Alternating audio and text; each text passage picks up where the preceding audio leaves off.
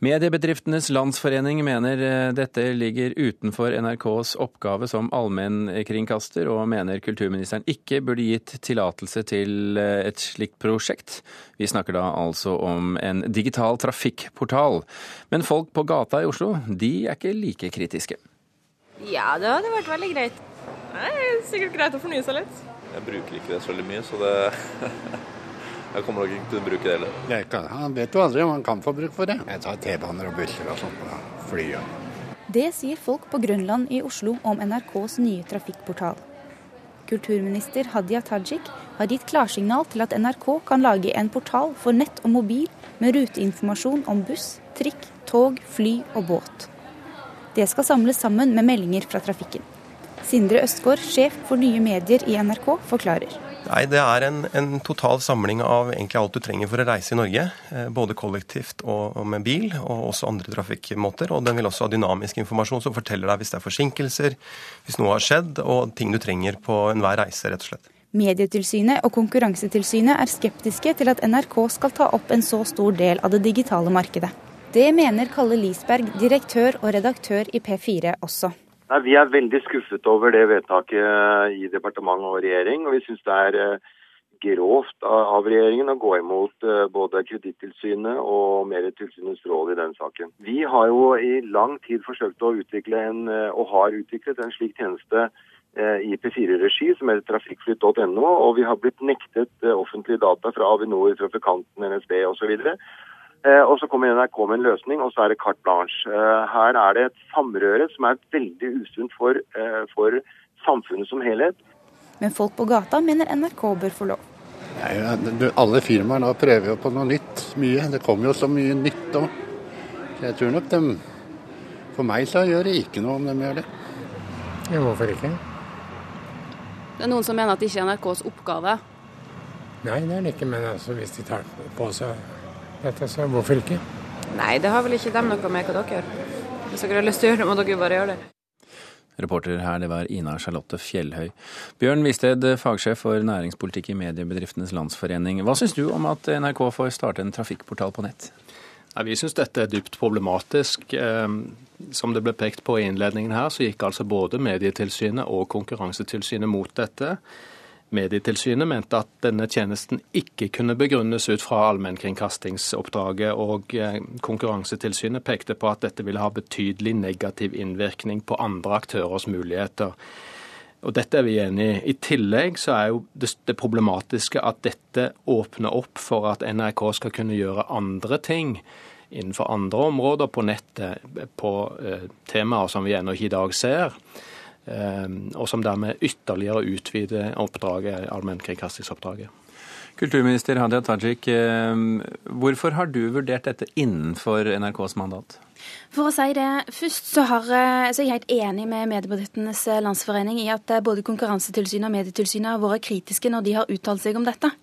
Og det er nettopp fordi de har hatt kritiske tilbakemeldinger at vi har lagt som et vilkår for at NRK skal kunne opprette denne trafikkportalen og, og sette i gang med dette samarbeidet, at alle rute- og trafikkdata som NRK bruker for å lage en sånn portal, må være tilgjengelig for andre aktører, sånn at hvis noen ønsker å opprette konkurrerende tjenester, så vil de være fullt ut i stand til å gjøre det. Men du, er, du mener også ja. at det er innenfor mandatet? Det gjør jeg. Og hvis man ser historisk på det, så har NRK formidla trafikkinformasjon eh, først eh, på radio siden 1960-tallet, eh, og så kom det noe så moderne og fremtidsretta i 1984 som tekst-TV. Ja, og da begynte man Moderne fremdeles, det. og da begynte man å formidle trafikkinformasjon òg på tekst-TV. Fra 2002 så begynte man å formidle det både på nett og på mobil. Det var det som var naturlig når den teknologiske utviklingen gikk i den retningen. Og da er det ikke unaturlig at i moderne tid at NRK da òg får muligheten til å formidle det gjennom en trafikkportal. Visste. Ja, altså data ble gjort tilgjengelig for andre, det er jo i og for seg vel og bra. Vi har bedt om at offentlige data blir gjort tilgjengelig, vi. Men poenget er jo at når en aktør som NRK går inn på et område som dette, så hjelper det ikke om dataene er tilgjengelig for andre. Da lager NRK en tjeneste som vil være flott, den vil være gratis, den vil være for alle, dekke alle behov. Det er ikke tenkbart at noen andre skulle kunne utnytte dette på noen fornuftig måte når NRK er på banen.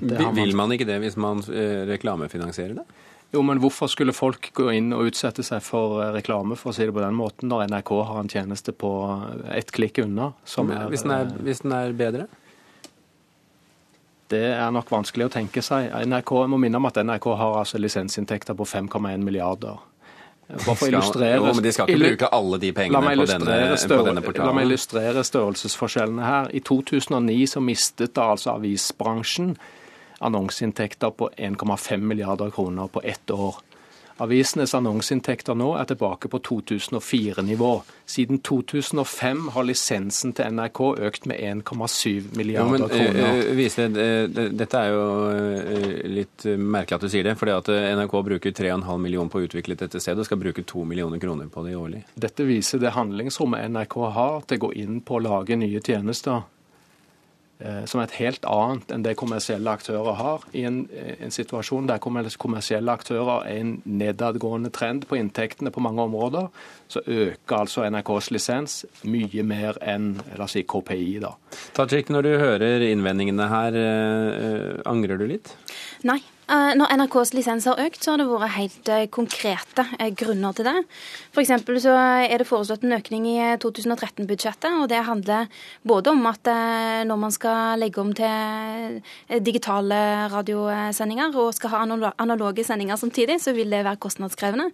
Og at man så etter 22.07 i fjor og etter stormen Dagmar at det òg ville være behov for å, gjøre, å utvikle eh, bedre eh, samfunnssikkerhetsrutiner på NRK.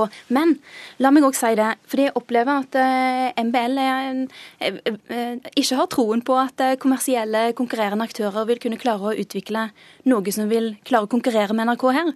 Og la meg minne om da at først når yr.no kom, og viste seg å være en suksess. Viste seg å være noe som folk ville ha og var, interessert i. Da så man òg at det dukka opp andre konkurrerende tjenester, som storm.no, pent.no, eh, som, som, dreier seg mot det samme markedet. Og Det som da er viktig å huske på, er at det at NRK får denne muligheten til å opprette en portal der de får bruke data som er tilgjengelig for òg alle andre aktører, så betyr det at de andre aktørene som vil konkurrere om dette, de må rett og slett bare skjerpe seg. De må, gjøre, de må lage produkter som er bedre, mer spennende, mer relevante, mer interessante. Og det er utelukkende en positiv ting. Er dette slags, en slags oppfordring du oppfatter her, Visted? Nei, Jeg er ikke enig i den beskrivelsen som kulturministeren her gir. Det er klart at Når en aktør som NRK, med den størrelse, altså vi snakker om landets største mediebedrift, med enorme ressurser i ryggen, når de går inn og lager en tjeneste, så er det ikke lett for andre aktører som skal finansiere dette ved eh, annonseinntekter i dette tilfellet, å lage en tjeneste som kan konkurrere med det. Det tror jeg det er veldig enkelt å se. Problemet med denne avgjørelsen er jo òg at den åpner opp for et mye større bilde nemlig at NRK nå nærmest har fått frikort til å lage tjenester innenfor hvilket som helst tema som de ønsker. Det sier jo eh, Bjerkås i en kommentar i kampanje som jeg leste rett før jeg kom opp hit. Og Da har du altså en situasjon der NRK har vedtekter som per i dag er så vide og tolkes så vidt at NRK kan gjøre absolutt alt de vil på en plattform der det egentlig er et marked som fyller de aller fleste behov. Da får du altså et NRK som ikke bidrar til mangfold, men som begrenser mangfoldet, nettopp fordi at man kan gjøre disse tingene og stenge ute andre aktører. Jeg har forståelse for eh, betraktningene som her blir delt omkring eh, NRK sitt samfunnsoppdrag. Altså, at, man frykter at det skal bli for utvida i en hypotetisk framtid med hypotetiske nye tjenester.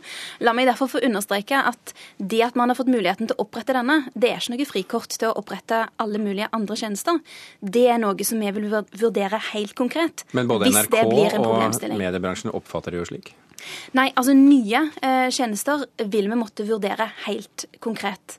Men eh, dette vil være en veldig god tjeneste som jeg tror at eh, vil, vil, treffe veldig men, mange mennesker som Men har dere diskutert hvorvidt NRK kommer til å dominere alle kanaler på dette området, og så sperre for kommersielle aktører? Det har vi diskutert. Eh, og det er òg bakgrunnen for at eh, vi vil og har stilt som vilkår eh, at alle dataene som NRK bruker for å lage dette tilbudet, at det skal være tilgjengelig for andre. Og så skjønner jeg at de kommersielle aktørene syns at det er vanskelig at en dyktig, kompetent aktør som NRK vil være i stand til å, å lage denne portalen. Men, men jeg mener jo at det bare er en utfordring som de får ta positivt. Det betyr at de må lage bedre tjenester. Jeg er jo glad for at eh, kulturministeren sier at dette ikke åpner opp for et fullstendig frislepp.